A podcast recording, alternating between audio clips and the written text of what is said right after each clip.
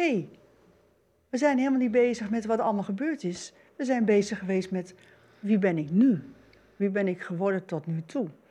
En dat gaf haar veel meer kracht, veel meer zelfvertrouwen, veel meer geluk. Leuk dat je luistert naar deel 2 van het gesprek met Erik en Ria Pol.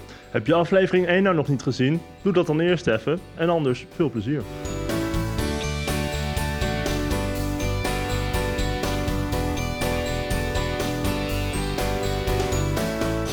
Podcast of Hope, moving towards happiness. Ik zag net een foto nog even. Hè, dat, ik, zag, ik had het over Talal, eh, een Syrische Nederlander. Eh, even een ander bruggetje. En als je het hebt over prachtige personen. eh, in mijn leven is Hannah Arendt bijvoorbeeld ook heel erg belangrijk geworden. Hmm. Eh, niet als de zoveelste god. Het is een mens van vlees en bloed. Hè, zij is, het is een, een, een, een Duitse, Joodse, Joods-Duitse, gevlucht. eh, naar Amerika gegaan uiteindelijk. Heeft daar twintig jaar stateloos eh, geleefd. Ja, ongeveer 20 jaar inderdaad. Hè, de- ja, eh, Tot in de Talal kwam 60. hier binnen en hij kreeg een verblijfsvergunning. Na, hè, en dus hij mocht hier blijven voor vijf jaar, nog tijdelijk. Eh, als je in Nederland tijdelijk mag blijven, moet je wel aan bepaalde eisen voldoen en dergelijke. Maar goed, het is nog een afzienbare periode. Maar Hannah Arendt, 20 jaar, en toen kreeg ze pas het Amerikaanse burgerschap. Eh, maar wat eh, Talal bijvoorbeeld aan mij laat zien, als je het hebt over wat er gebeurt nou in mijn leven, waarin ik dingen herken die ik essentieel vind, belangrijk vind, zinvol vind. Talal heeft laten zien dat je keuzes kan maken in het leven die enorme consequenties hebben. Hè? Syrië verlaten, familie verlaten. Eh, eh, hij kan nooit meer terugkeren zolang Assad daar nog eh, Zijn partner verlaten. hij, moest even zijn, hij moest zijn partner achterlaten. Hij kan nooit meer terugkeren zolang Assad nog daar president is. Ehm, want ja, dan loopt zijn leven gevaar. Dus hij kan ook niet naar zijn familie toe, wat voor heel veel Syriërs geldt. Eh, en toch, toch is hij hier naartoe gekomen naar Nederland.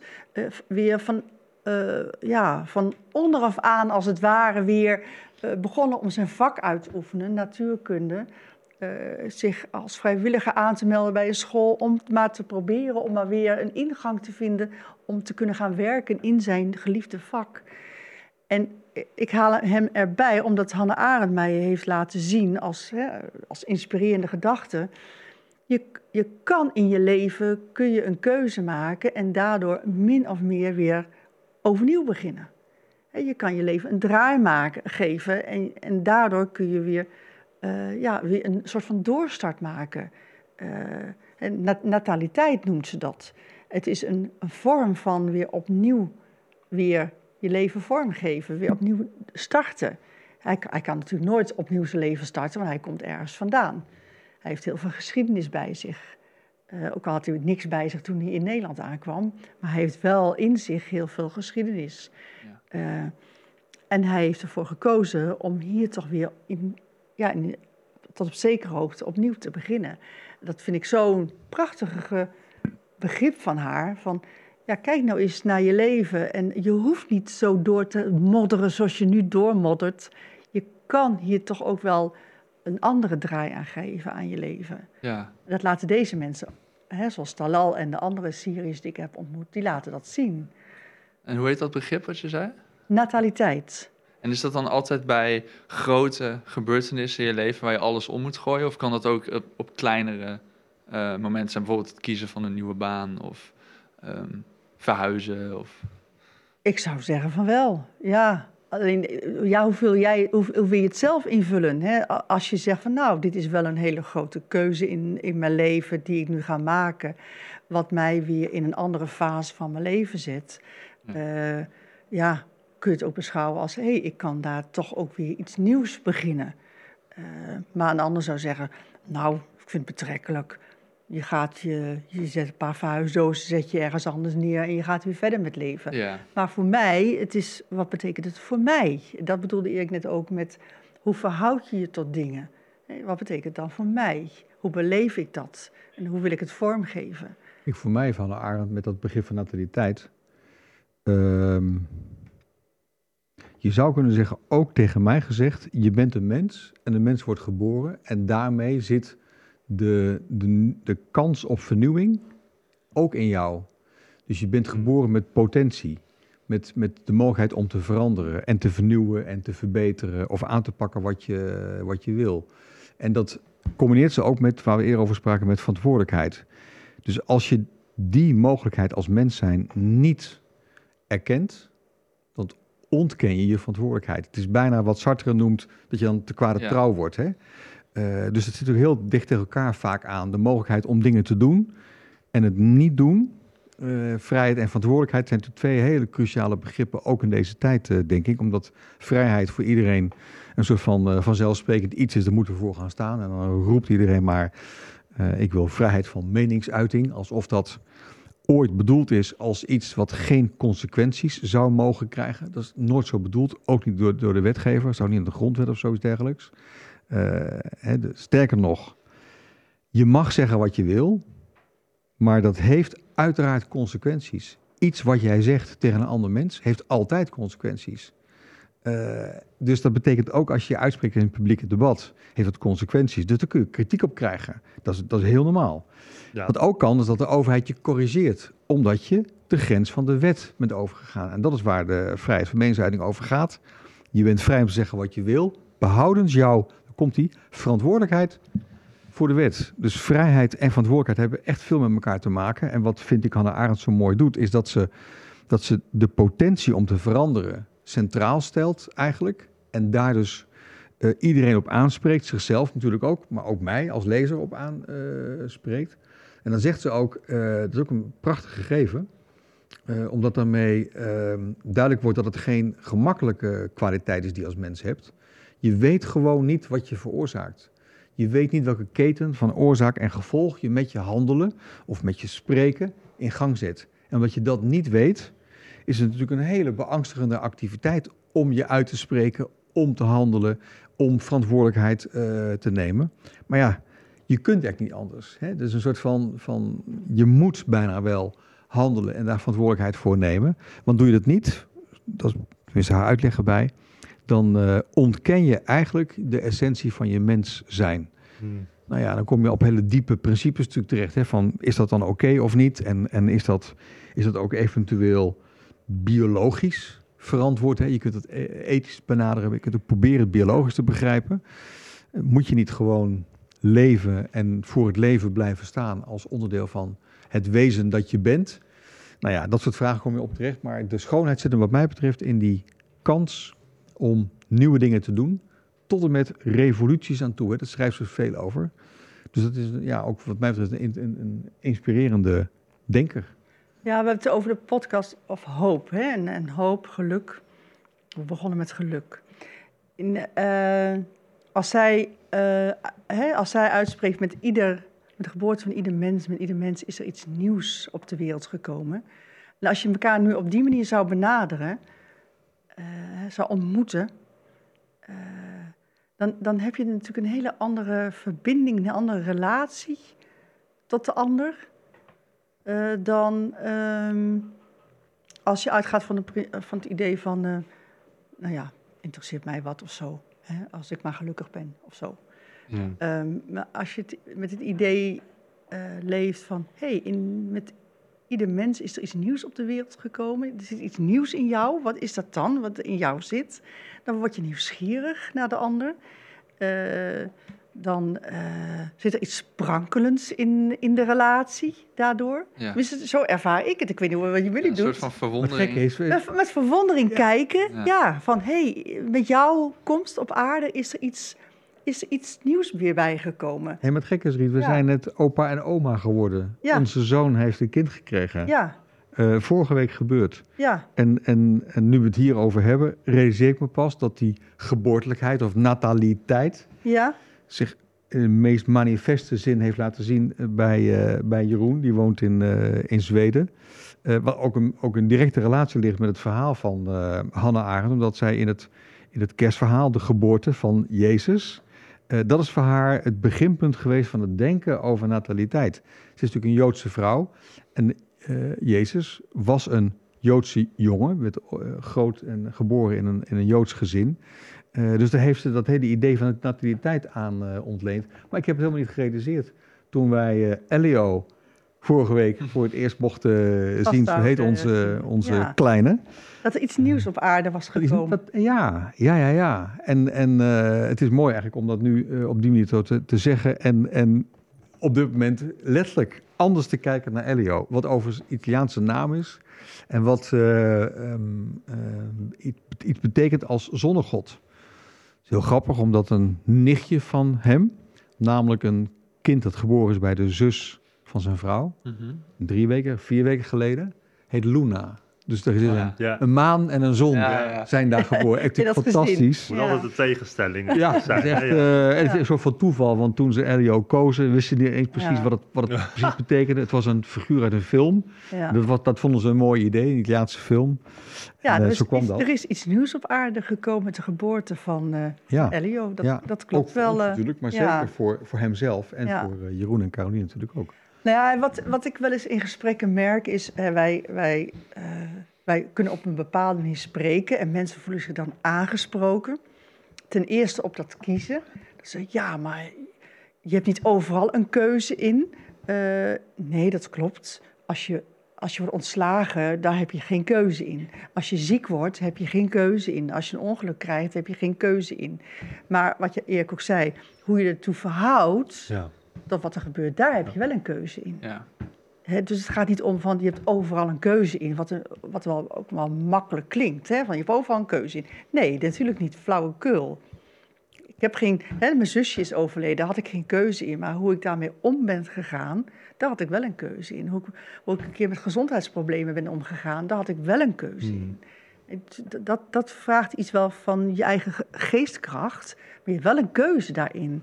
Ja. Je kunt slachtoffer zijn, je kan die windwaan zijn. Je kan zeggen van ja, en wat, wat, wat betekent dit dan? Hoe wil ik hier nu eh, mee verder gaan? En nog iets anders En ook. ik kies als- ervoor om even te zeggen dat er een mooie foto op staat. Ja, ja, Namelijk ja, van Jeroen en Caroline, ons Ja. twee erbij. Dat ook in, Ja. afgelopen zomer gemaakt tijdens een eh, huwelijksfeest Ja. in eh, Italië. Ja, je, je zou het niet zeggen, maar daar heeft Carolina een eh, dikke buik. dit was in, eh, dit was in juli. En eh, een paar maanden later is de kleine eh, geboren. Maar ja, dat was, eh, daar moet ik even op reageren nu. Nu deze foto hier staat. Ja. Nou ja, als je het hebt over een nieuw begin maken. Hè? Dus ja, het kleinkind is geboren. Ook, zij hebben samen hebben ze weer een nieuw begin gemaakt. Omdat ze tegen elkaar daar hebben gezegd van... ja, wij gaan samen verder.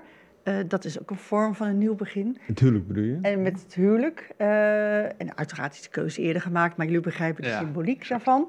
Ehm, eh, van, ja, krijg ik dan ook wel eens weer woord op. Zo van, nou, maar dat kan toch niet? Je kan toch niet als een onbeschreven blad gewoon weer hè, opnieuw beginnen? Nee, natuurlijk gaat dat niet zo. Je, je draagt je koffers bij je. Net zoals Talal zijn koffers bij zich draagt van zijn verleden. Ook onze zoon draagt zijn verhalen van wie hij is bij zich. En dan moet ik altijd denken aan dat verhaal van Lot. Of misschien eh, wat, wat, wat sneller herkend wordt door de luisteraar. Eh, het lied van Lot. Dat kun je zo opzoeken op YouTube. Het lied van Lot van Stef Bos. Ga eens luisteren. En dan herken je, als je het Oh, verhaal niet kent, hè, het Bijbelse verhaal van Lot, dan, dan mag je helemaal vergeten, het Bijbelse verhaal. Maar als je naar het lied van Lot luistert, dan hoor je daar het principe in van Lot ging weg met zijn vrouw en zijn dochters uit een stad. Want het was zo gevra- gezegd door God, doe dat nou maar, ga nou maar weg, want die stad is niet goed voor jullie. Ga nu weg. Het Sodom en Gomorra, hè? Ja, en, en, en, eh, maar kijk niet achterom. Daar gaat het mij om. Kijk niet achterom. Eh, want dat, dat is niet goed voor je.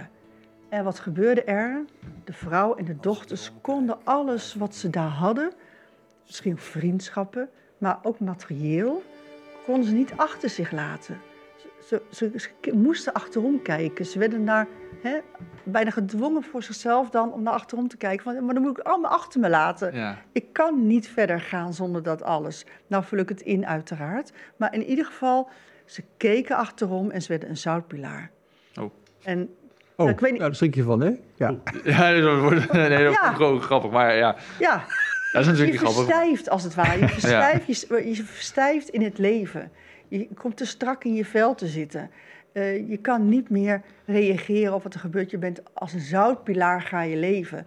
Omdat je nog te veel bezig bent wat er gebeurd is. En om naar die mevrouw van vanmorgen terug te gaan. Die zei van, hé, hey, we zijn helemaal niet bezig met wat allemaal gebeurd is. We zijn bezig geweest met wie ben ik nu? Wie ben ik geworden tot nu toe? En dat gaf haar veel meer kracht, veel meer zelfvertrouwen, veel meer geluk. Om dat te herkennen, om daarmee verder te gaan, wetend dat het allemaal wel gebeurd is wat achter je ligt. Ja. En dat kan ook nog wel pijn doen. En je kan ook verder. Je zegt, ja, dat is er gebeurd, maar ik ben dat niet. Ik ben niet die zoutpilaar. Ik, ik, eh, ik ben wie ik nu ben. ja, mooi. dat, ja, dat, dat, zo komen die verhalen dan, dan nu weer samen. En ehm, het lied van Lot is echt in die zin, een lied van Lot heet het. Eh, prachtig lied om naar te luisteren. Stef Bos zingt het heel mooi. Eh, hij heeft het gemaakt naar, op uitnodiging van de NCRV eh, toen de tijd om bijbelse verhalen op een andere manier te vertellen. in, in prachtige liederen. Eh, dus als je totaal geen kennis hebt van de Bijbel, het interesseert je ook helemaal niks wat in de Bijbel staat, helemaal prima. En die liederen die hebben hun eigen zeggingskracht. In een ander licht heet het. In een andere project. het heet een CD. En ja, project. er is ook een dvd van, een Ja. opname van het concert en zo. Prachtig, prachtig materiaal. Oh ja, ja, ik zie hier nou ook hier allerlei kaarten voorbij komen, ansichtkaarten. Die hebben we toen gemaakt. Ja, dat is die- eh, die met hetzelfde idee ook. Hè? Dus hetzelfde principe van, ja, weet je, je hoeft, kijk nou naar kunst, hè? zin in kunst. Kijk naar kunst. Wat heeft kunst mij te zeggen? Wat heeft deze kunst mij te zeggen? Wat zie ik daar in dat schilderij? Het eerste toevallig van Jeroen Krabbe, die heeft ook aan meegewerkt. Wat zie ik nou in dat schilderij? Dat die moeder daar zit met die twee jongetjes onder die parasol. Eh, wat, wat zegt dat mij? Ja. Zo op die manier kijken naar kunst. Zo op die manier kijken naar het leven. In plaats van, wat moet ik daarin zien? Wat moet ik daarin lezen? Hmm. Wat zou nou die kunstenaar bedoeld hebben? Oh, dat. Even helemaal niet interessant. Kijk ernaar, wat betekent dat voor mij? En is dat eh, zodat je jezelf dan beter leert kennen? Is dat het belangrijke daaraan? Dat is wat wij, de, de kijker van, eh, hè, de bekijker van deze serie kunstkaarten, Ja. dat- we dagen ze uit om die vraag aan zichzelf te stellen, waardoor je jezelf beter leert kennen. Waardoor Ja. je verhalen gaat vertellen aan jezelf.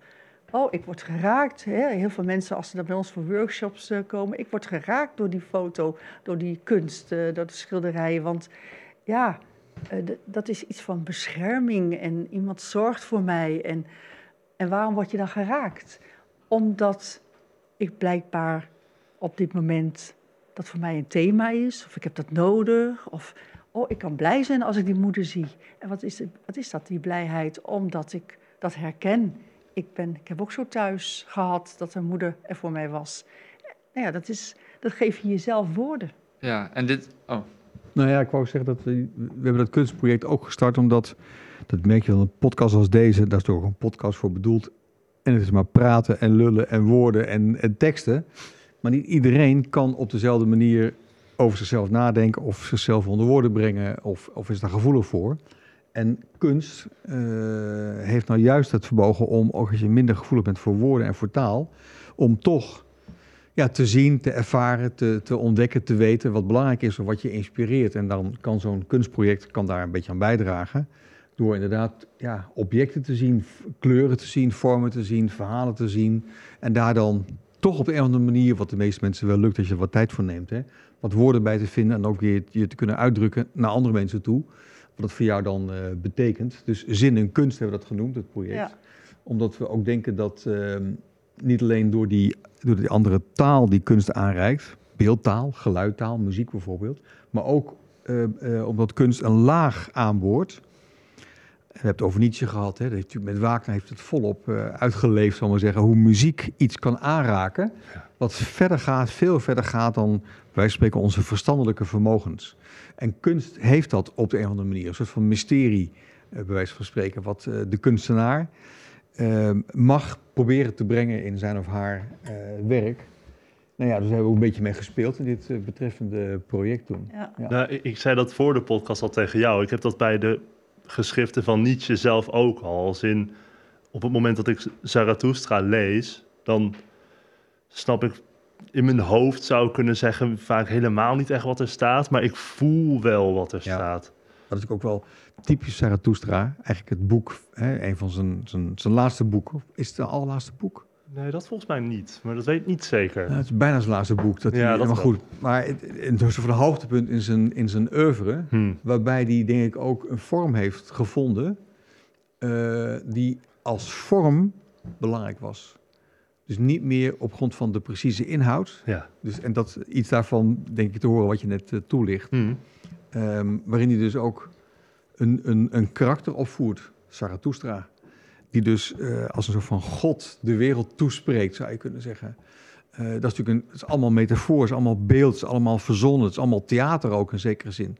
En dan theater in dat betreffende, Hm. dat betreffende boek. Dus ik snap goed, het is zelfs knap, bij wijze van spreken, dat jij dan die tekst kunt lezen zonder dat je door de tekst in verwarring wordt gebracht en iets op een ander niveau ervaart. Ken je dat in, ook bij andere boeken als je die leest? Hmm. Nou ja, religieuze teksten hebben die, hebben die gaven ook wel een beetje, denk ik. Eh, bijvoorbeeld als je inderdaad de Bijbel leest of zo. Dat heeft dat effect ook al een beetje voor mij, denk ik. Dat iets in jou wordt geraakt. Ja, ja zeker. zeker. Ja. En dat heeft het ook wel een beetje tot doel, denk ik zo. En komt het dan door de vorm bij de Bijbel bijvoorbeeld, of door de inhoud van de verhalen? Wat bedoel je met de vorm? Dat je weet dat je Nou de. Bijbel leest. Dat, dat je weet dat je een belangrijk verhaal in de Bijbel leest. Nee, dat bedoel ik niet. Ik bedoel iets anders. Poëzie bijvoorbeeld, misschien. nee, bijvoorbeeld het Oude Testament heb je eh, beschrijving van alle geslachten. Nou, is niet om doorheen te komen. Nee, dat klopt. Hè? Maar het is wel een bepaalde vorm. Het kan je in een bepaalde trance brengen, of een bepaalde cadans brengen. Of Ja. een bepaald soort besef dat er is geen doorkomen aan, zoals ook de historie geen doorkomen Ja, ja, aan ja, is. ja, ja, ja, je even wat, maar laat maar zeggen, dat bedoel ik meer met vorm. De manier waarop het gebracht wordt. Eh, dat helpt ook, maar het is denk ik ook wel vooral de inhoud. Hmm. Ehm, Maar dat was het dus niet bij Zarathustra. Of is het niet bij Zarathustra? Want die begrijp je niet eens, zeg je, die inhoud. Nee. ja, maar ik weet ook niet of het de vorm is dan. Nee, oké. Eh, het, het is vooral... Misschien de symboliek. Ja, het is de symboliek, denk ik. Het is voor- vooral ehm, het beeld dat hij schetst. Dat, ehm, als ik dat dan in mijn hoofd neem, als ik dat dan probeer te, te visualiseren, dan betekent dat op zichzelf staand al iets. Het is een soort van oergevoel dat het dan misschien aan, eh, ja, aanwakkert of zo. Ik weet het niet. Welk beeld heb je dan bij Zarathustra? Bij, bij, de, bij de figuur. Zarathustra, heb je daar een Als beeld in hoe hij eruit ziet. Ja, als in hoe hij eruit ziet, ja. Of aan, eh, in, in, in hoe, hij, eh, hoe hij zich manifesteert in het verhaal. Ja, ik zie hem wel als een soort van langharige, bebaarde profeet met een eh, staf die dan in zo'n lang gewaad eh, zijn berg af komt lopen, inderdaad. Zo, zo zie ik hem wel voor me. Ja, Ja. Ja. Is, is, de, is het te, te vergelijken met... eh, we moesten vooraf, hè, voordat we gingen starten eh, met onze gesprekken, met ons vieren... hebben we even een, een, een geluidstest moeten doen. Hè, de, eh, en toen las ik een stukje voor van het gedicht Ithaca van Cavavis. En op zich dat gedicht, als je naar de woorden kijkt, denk je... oké, dat zal wel. Elke keer weer als ik het gedicht weer lees... dan dieper in mij wordt er iets aangesproken, iets van ja, alsof, alsof eh, je had het over de waarheid en dergelijke. Nou, de waarheid, ik geloof niet meer dat die bestaat. Hmm. Eh, maar ik geloof wel dat er in mij wel een, iets diepers aangesproken kan worden van wat over het ware gaat. Van dit is echt, dit is waar, dit is goed, dit, dit is de essentie. Hm. En dat, dat, dat, heb je soms met bepaalde teksten, heb Ja. je met bepaalde teksten, met bepaalde eh, eh, gedichten. Ik heb het ook met, eh, eh, er is, ik werk met, eh, met ouderen in een, in een woonzorgcentrum. En er is één bewoner en die vindt het heel fijn als ik het, de tekst voorlees van er is een tijd van, nou zeg maar een tijd van komen en een tijd van gaan. En ook, in de Bijbel staat er een tekst wat gaat over tijd en tijdsbesef. En er is voor alles een tijd. en dat geeft haar heel veel rust en heel veel vertrouwen. En Ja. het is goed. Eh, hè, dus het gaat niet letterlijk om die woordjes, maar het gaat om dat die tekst iets aanspreekt op een diepere laag van haar. Ja, ik zou...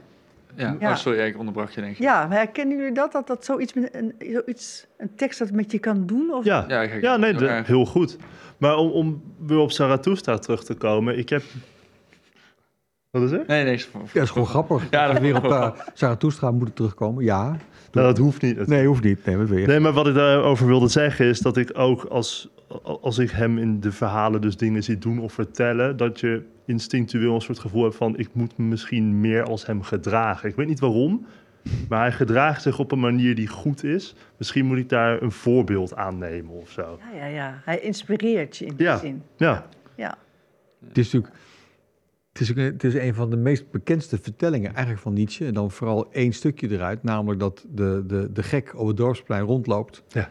En, en niet dat Nietzsche of Zarathustra God dood verklaart. Maar de gek op het dorpsplein Ja. zegt tegen de mensen... jullie hebben God dood verklaard. En jullie hebben geen idee wat dat betekent. Hmm. We hebben daar met elkaar over gesproken al eigenlijk. Hè? Dat is waarom we geen idee hebben, zegt deze, deze man in die vertelling, is dat we daarmee de, de ondergrond onder ons bestaan weggegooid hebben. Je hebt niks meer om je aan vast te houden. Je staat helemaal, nou ja, met je blote billen in het open veld. Je bent er helemaal zelf verantwoordelijk voor, voor alles wat hier gebeurt. En dat is, dat is een, dat is, er is ook niet een instantie of zo die je verantwoordelijk houdt voor iets. Dat, dat bestaat gewoon helemaal niet. Ja, maar wat is het dan nog wel? Hè? Wat, is dan, wat maakt dan nog het leven waardevol, eh, zeg maar? En die Zarathustra staat voor mij, eh, dat hele verhaal, eh, met dit als een soort, een soort van kernelement erin, staat voor mij als een soort van wake-up call steeds weer opnieuw. ja. Namelijk, die zegt nu ja, maar ik denk dat ik heel anders gezegd dan jij bedoelt. Oh, Namelijk, oké, ben benieuwd. Namelijk, namelijk, je denkt wel dat, eh, dat, dat het relevant is om te geloven in iets, dat iets van een god is, maar dat is er helemaal niet. Dat zegt dat verhaal van Zarathustra, voor mij, hè? in Mhm. een, in een soort van metaforische manier. Dus die, die, waarschuwt, die waarschuwt mij voor mezelf voor de gek houden. Het is, het is veel rampzaliger in dat opzicht dan je denkt, zegt hij, vind ik, denk ik. Ja, en dan als rem- remedie ervoor om je eigen waarde te creëren en iets wat groter is dan je eigen menselijkheid, als het ware. Ja, natuurlijk. Daar, daar komt hè, de filosofie van Nietzsche op gang, de omkering van alle waarden. En, Ja. en dat komt helemaal uit de mens en het is bedacht. Het is een manier om te surviven en om het voor jezelf een beetje oké te, te maken. Er is niks mis mee, maar allemaal prima, Mhm. zegt Nietzsche dan. Hè. Maar hou het niet voor de waarheid. Het is gewoon niet waar. Dus wie, wie dat denkt, is gewoon sneu, jammer, hè, ben je erin getrapt. Gebruik het, misbruik het desnoods, maar het bestaat gewoon niet als iets Ja, dat kan bestaan. maakt het uit om erin te trappen dan ook, hè? Nou ja, Kunnen jullie ermee leven dat er niet iets, een leidend principe is in het leven wat jouw leven vormt of stuurt? Kun je ermee leven dat, dat, dat, dat, dat, eh, hè, dat er geen grond is voor jouw bestaan in die zin door een ander onder woorden gebracht, maar dat je het zelf hebt te doen? Ja, denk het wel uiteindelijk. Ja, dat is het existentialisme natuurlijk. Dus ik Nou, kun jij ermee leven dat, dat, dat je het zelf hebt te doen? ehm, ja, zo leef ik eigenlijk altijd wel, denk ik. Dus het lukt, het, het lukt me nog wel. Het is natuurlijk een minder mooie gedachte misschien. Maar het is wel, ja, het, het is wel te doen, denk ik. Het is te doen. Want, eh, eh, we, we lezen ook wel op dit moment ook wel veel jonge mensen zijn zoekende. eh, ja, ze zijn zoekende naar een houvast. En heeft, wat heeft het voor betekenis, voor zin en dat soort vragen komen. Ja, jonge mensen lijden op dit moment. Veel jonge mensen Ja. lijden. En eh, zie je daar een verband tussen? Tussen dat ze lijden, dat ze het niet naar hun zin hebben, dat ze het moeilijk vinden om te leven. En eh, dat er. eh, ja, dat er in die zin ook niet hun iets gegeven kan worden, waardoor zij makkelijker verder kunnen gaan, beter verder kunnen gaan. Ja, ik, ik denk dat ik dat ook wel. Ik denk dat ik dat wel zie, inderdaad. Maar ik denk, ik denk niet dat het niet op te lossen is. En beetje dus wat jij zegt, dat je, je, eh, dat je het zelf op je moet nemen. En ook eh, waar jij het over had, over bijvoorbeeld kunst. Dat je daar ook een soort van waarheid of iets, iets, iets abstracts in kan vinden. Ik denk dat er wel genoeg manieren zijn om, om ermee om te gaan, denk ik. Maar Als je eenmaal dat hebt on- ontmaskerd, zoals Nietzsche dat dan doet, als een truc, als een manier om het voor jezelf leefbaar te halen, te Mhm. houden, dan, dan, dan, dan zit er ook iets niet in. Hè, dan kan het ook iets niet doen. Het kan je niet echt comfort bieden. Het kan je niet echt troosten. Het is ontroostbaar.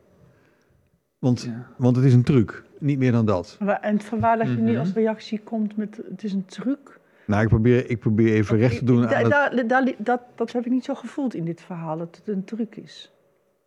Nee, maar ik probeer... Ik, nee, dat klopt natuurlijk. Het is ook helemaal geen truc misschien. Maar ik Nee, probeer even, ja. laat me zeggen... De, Bedankt, de. Ja, hè?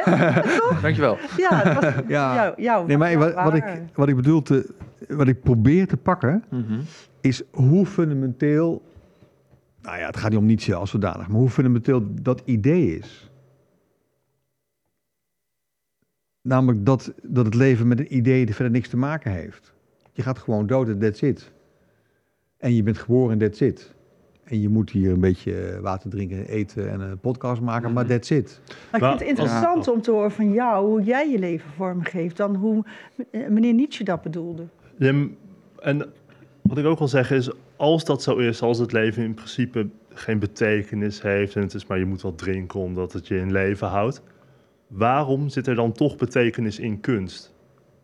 Als in, wat geeft kunst dan betekenis? Ja, ook, ook niet echt. Hè? Ik bedoel, ik, ik zie hier op de foto net ook dingen voorbij komen, eh, essays die ik geschreven heb. Dus allemaal, gaat allemaal over hetzelfde. Namelijk, inderdaad, ik ben er ook in getrapt. Hè? Ik, ik, ik, zit ook in een soort van...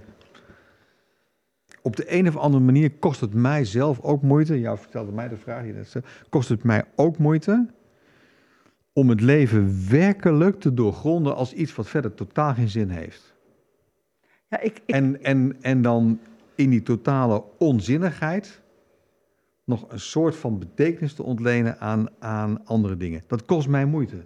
Nou zeg ik niet dat dat per se de moeite die ik moet doen, maar het is wel waar denkers als Nietzsche eh, als het ware mij mee confronteren. Dus, dus Ja. ik kan de gedachte gewoon niet meer ontkennen, omdat die op mijn pad gekomen is. En dan moet ik me daar ook toe verhouden. Dus ik, het gaat niet om de vraag of, of Nietzsche voor mij een god is, of dat eh, meneer Nietzsche wat gevonden heeft of niet. Het gaat erom dat ik nu iets in mijn systeem heb zitten, Ja, wat daarover gaat. En, en dat wat daarover gaat, eh, eh, ja, ontzettend kaal is, kun je zeggen. En dat is heel moeilijk om, Ja. om dan toch opgewekt te praten een hele avond lang over geluk. En oh, een blij gemoed. En ik ben hartstikke blij kerel. Dus dat, dat, daar scheelt helemaal niet aan. Maar Maar ik zou Socrates jou nou nu, nu niet vragen. Het interesseert me niet wat meneer Nietzsche hierover zegt, maar het gaat me om wat jij belangrijk vindt. Wat is in jouw leven zinvol? nee, maar dat, mijn, mijn antwoord zou dan zijn er, zijn... er zijn inmiddels twee dingen in mijn leven... waar ze vandaan komen, komen ze vandaan... die om voorrang strijden. De ene is het leven heeft zin. De andere is het leven heeft totaal geen zin. Het leven of jouw leven? Mijn leven heeft geen zin. Mijn leven heeft wel zin. Nou ja, dat vind ik toch een andere uitspraak als dat. Nee, oké, maar, dit- oké, maar dit is de uitspraak die ik dus ook doe. Ja, Dat, en, en ik kan dus wel in een moment en met jou en met anderen dit, dit gesprek als plezierig ervaren. Als, Ja. eh, maar, maar nogmaals, dat is misschien totaal iets anders dan dat dit iets zegt over de zin van mijn leven of de zin van het leven. Ik herken me wel heel erg in die tweestrijd, wat je zegt. Van het leven, mijn, mijn leven heeft wel zin, mijn leven heeft geen zin. En ik denk dat het vaak de momenten zijn waar, als ik bijvoorbeeld aan het filosoferen ben, dat ik misschien, dat het klinkt misschien een beetje stom, maar dat ik dan denk dat, dat, het geen zin, dat er geen zin is.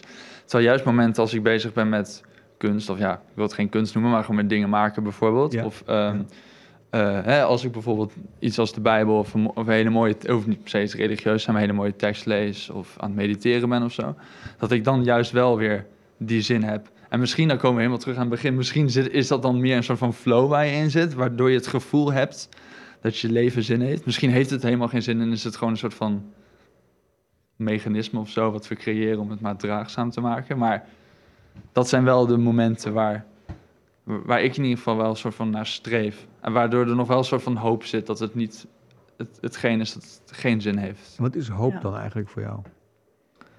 Ehm, ja, misschien in, in, in, dit, in, in, in dit voorbeeld dan, of in deze situatie is het dan dat er het, ja, het klinkt misschien een beetje zielig, maar het hopen dat er wel een soort van zin is in het leven. Dat, we, dat het één groot geheel is, één eenheid.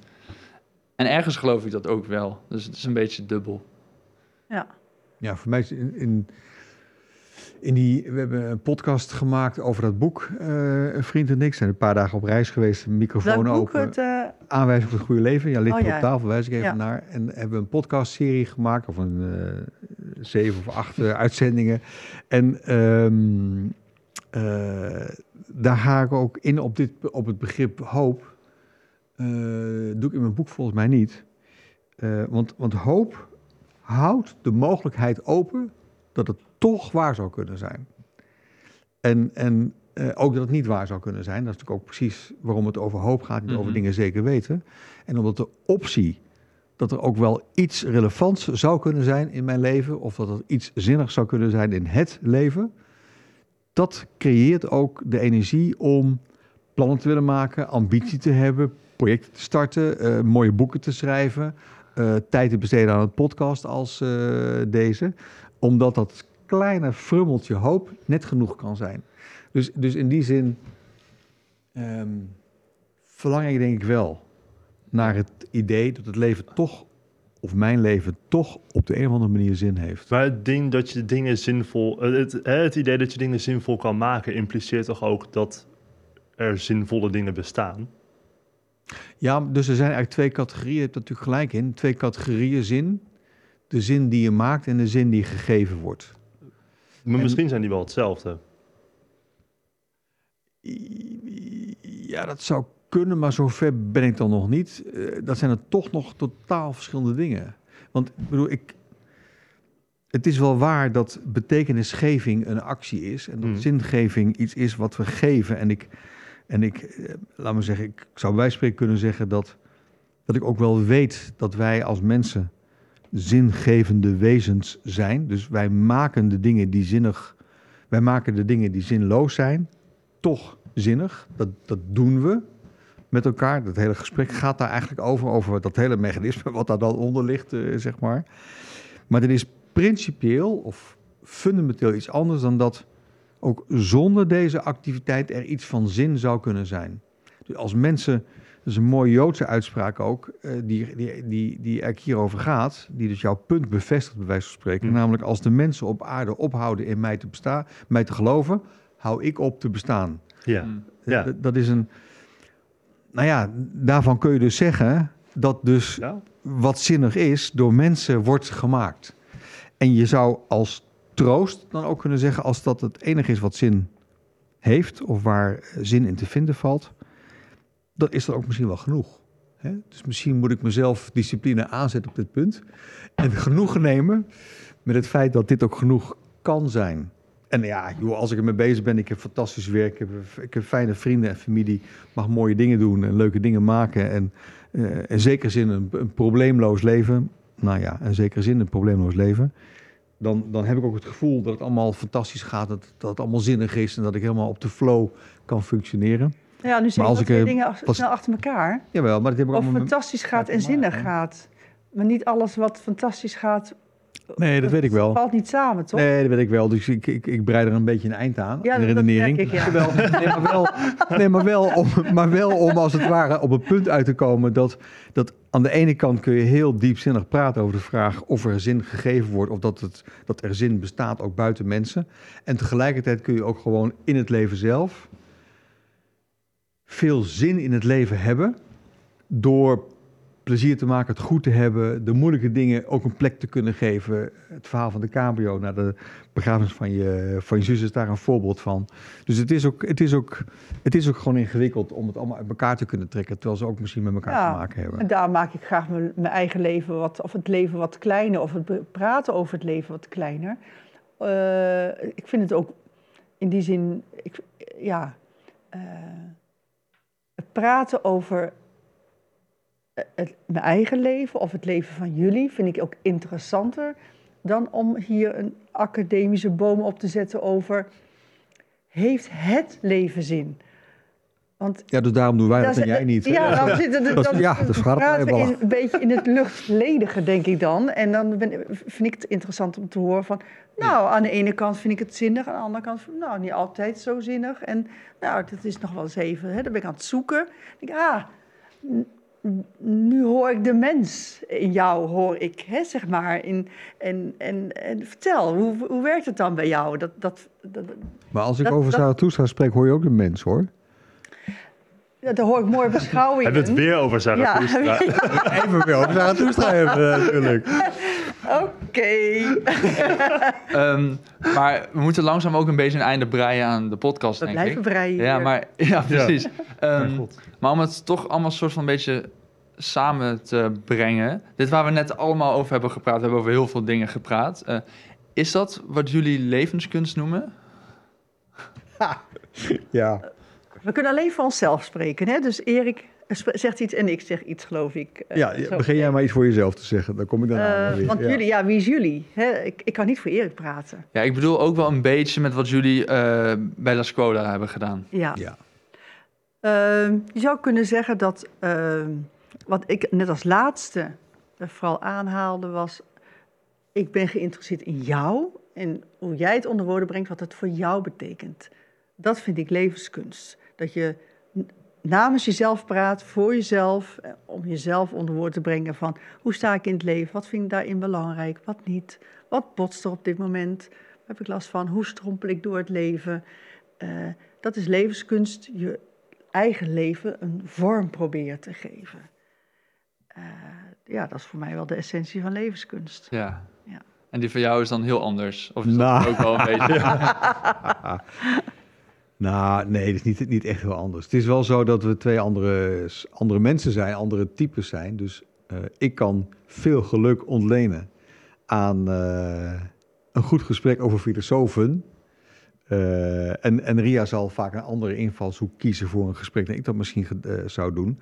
Maar als je vraagt naar wat is levenskunst, ik heb er al iets over gezegd in deze podcast, al eerder al. Er zit wel een soort van actieve houding aan vast. Eh, waarmee je met je eigen leven en met jezelf aan de slag bent. Of het nou over zingeving gaat of niet. Maar dat je op de een of andere manier het de moeite waard vindt om dingen niet te laten gebeuren, maar daar een, een, een, eigen soort smaak aan toe te voegen. Een eigen vorm bij te vinden of eigen keuzes in te, in te maken. En levenskunst is, eh, is bepaald niet iets voor eh, mensen in een luxe situatie. Er wordt wel eens gedacht dat het dat, je moet alles op orde hebben. Dan heb je de ruimte en de tijd om het over levenskunst te hebben. Ja. Maar ik denk als je de boel niet op orde hebt, dat je dan juist levenskunst nodig hebt. Als je, als je het moeilijk hebt in het leven, als, je, als het lot je treft, als het, als het gewoon economisch of, of, of fysiek of met relaties of met werk of zo moeilijk is, ja, dan komt het erop aan.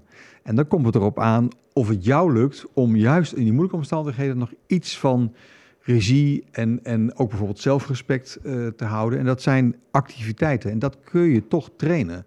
Dat kun je, dat kun je proberen aan te zetten. Dan heb je elkaar bij nodig. Dus bij La Scuola is de ontmoeting tussen mensen ook altijd heel belangrijk. eh, waarbij je dus verschillende kleuren en smaken juist op tafel legt. Eh, en in die ontmoeting, in die confrontatie eventueel... Ja, daar zit heel veel in wat rijk kan zijn, wat inspirerend kan zijn... en wat je kan helpen om jouw kunst van leven vorm te geven. Ja, en wat, laten we ook niet vergeten, ehm, het gaat hier om levenskunst, om zelfzorg. Het gaat hier om sociale zelfzorg. Hoe wil jij leven en samenleven? Eh, levenskunst is geen ego-trip. Levenskunst gaat over hoe je als mens wilt leven te midden van de andere mensen. Dat vind ik wel een belangrijke Zeker, toevoeging. zeker. En, eh, hè, want eh, voor je het weet eh, wordt het gezien als, oké, als jij het maar goed hebt, dan, hè, oké. Nee, het gaat erom, jij in relatie tot anderen. Jij te midden van de wereld. Eh, sociale zelfzorg. Dat eh, vind ik wel belangrijk om, ja, om dat nog even aan te vullen. Heer, heer, het is gezegd. Ja, Vinden jullie het goed om het hierbij te houden? We hebben niet Nee, heel... ik wou net begonnen, we beginnen aan. We hebben het nog niet genoeg over Zarathustra gehad. Laten we daar eens over hebben. Gaan wij eventjes dan hiernaast eh, iets anders doen? Nee, nee, precies. Maar ik bedoel, we, hebben niet, we zijn niet heel erg eh, diep ingegaan op wat jullie nou echt doen met La Scuola. Maar ik denk dat we wel een heel erg enorm interessant gesprek eh, hebben gehad. Ja. Dus hoop dat het alsnog voldoende is geweest. Eh, is voor de- jullie, als voor jullie voldoende is Ja, ik geweest, vond het wel. Ja, zeker Ja, weten. ja oké. Maar we ja. willen alsnog afsluiten met de tip. Want we vragen altijd onze gasten om een tip te geven voor iedereen die luistert. Waar ze geluk of inspiratie uit kunnen halen. Dus... En misschien hebben jullie weer een- allebei een verschillende tip. Eén hele Oh. nuttige en één hele... eh, Oké, mijn, ehm, ik, heb een, ik heb een simpele tip, heel praktisch eigenlijk ook. Dat als je voor een moeilijke keuze staat, spreek er altijd tenminste met één ander persoon over. Omdat eh, het gek zou zijn als je in je uppie dat goed voor elkaar kunt krijgen. Dus doe dat vooral. Of het nou je buurman is, of iemand die je toevallig in de winkel treft, of een goede vriend of familielid. Maar doe dat en dat helpt je enorm in het maken van een keuze. Nou, dat is een goede Oei, tip. ja. Alsjeblieft. En Ria? Ehm, nou, een van de tips zou kunnen zijn: ehm, maak het niet te groot. Ehm, blijf dicht bij jezelf. En ehm, ga s'avonds eh, even zitten en nadenken: hé, hey, wat kwam er vandaag op mijn pad? Wat voor mij mooi was, belangrijk, wat mij een goed gevoel gaf, wat betekenisvol was. Eh, vul het zelf even in hoe je dat wil doen. Maar dat je je ja, de komende weken elke dag jezelf dat moment geeft. Ga dan eens kijken, wat geeft mij dat nu? Dat ik elke dag mezelf even zo'n momentje geef van een ervaring... wat ging over het goede, het ware en het schone. Mooi. Ja. Nou, bedankt dat jullie hier langs zijn gekomen. ja, heel erg bedankt. Het is de langste Graag gedaan. toe. Ja. Doen we eens, maar nooit meer natuurlijk. Ja, ja, ja. Knipoog. Ja, knipoog. Ja, bedankt. knipoog, Alsjeblieft. Ja. Jullie Dankjewel ook voor het bedankt hè, voor, ja, voor het gesprek. Bedankt voor het kijken of luisteren naar deze aflevering van de Podcast of Hoop. We hopen dat je ervan hebt genoten of misschien wel geïnspireerd door bent geraakt. Iedere zondag om 10 uur komt er een nieuwe aflevering online op YouTube, Spotify en op al je andere favoriete podcast-apps. Ook kun je ons vinden op www.podcastofhoop.nl. Tot ziens en veel geluk. De wereld waarin we leven biedt nog geen gelijke kansen. Voldoende eten en drinken. Een adequate opleiding. Goede gezondheidszorg. Vrede en geluk is niet voor iedereen weggelegd. Maar stap voor stap wordt het beter. En zijn we op weg naar een octopische samenleving waarin iedereen zijn of haar leven als goed kan beschouwen. Het is een lange reis, maar we zijn op weg. Podcast of Hope. Moving towards happiness.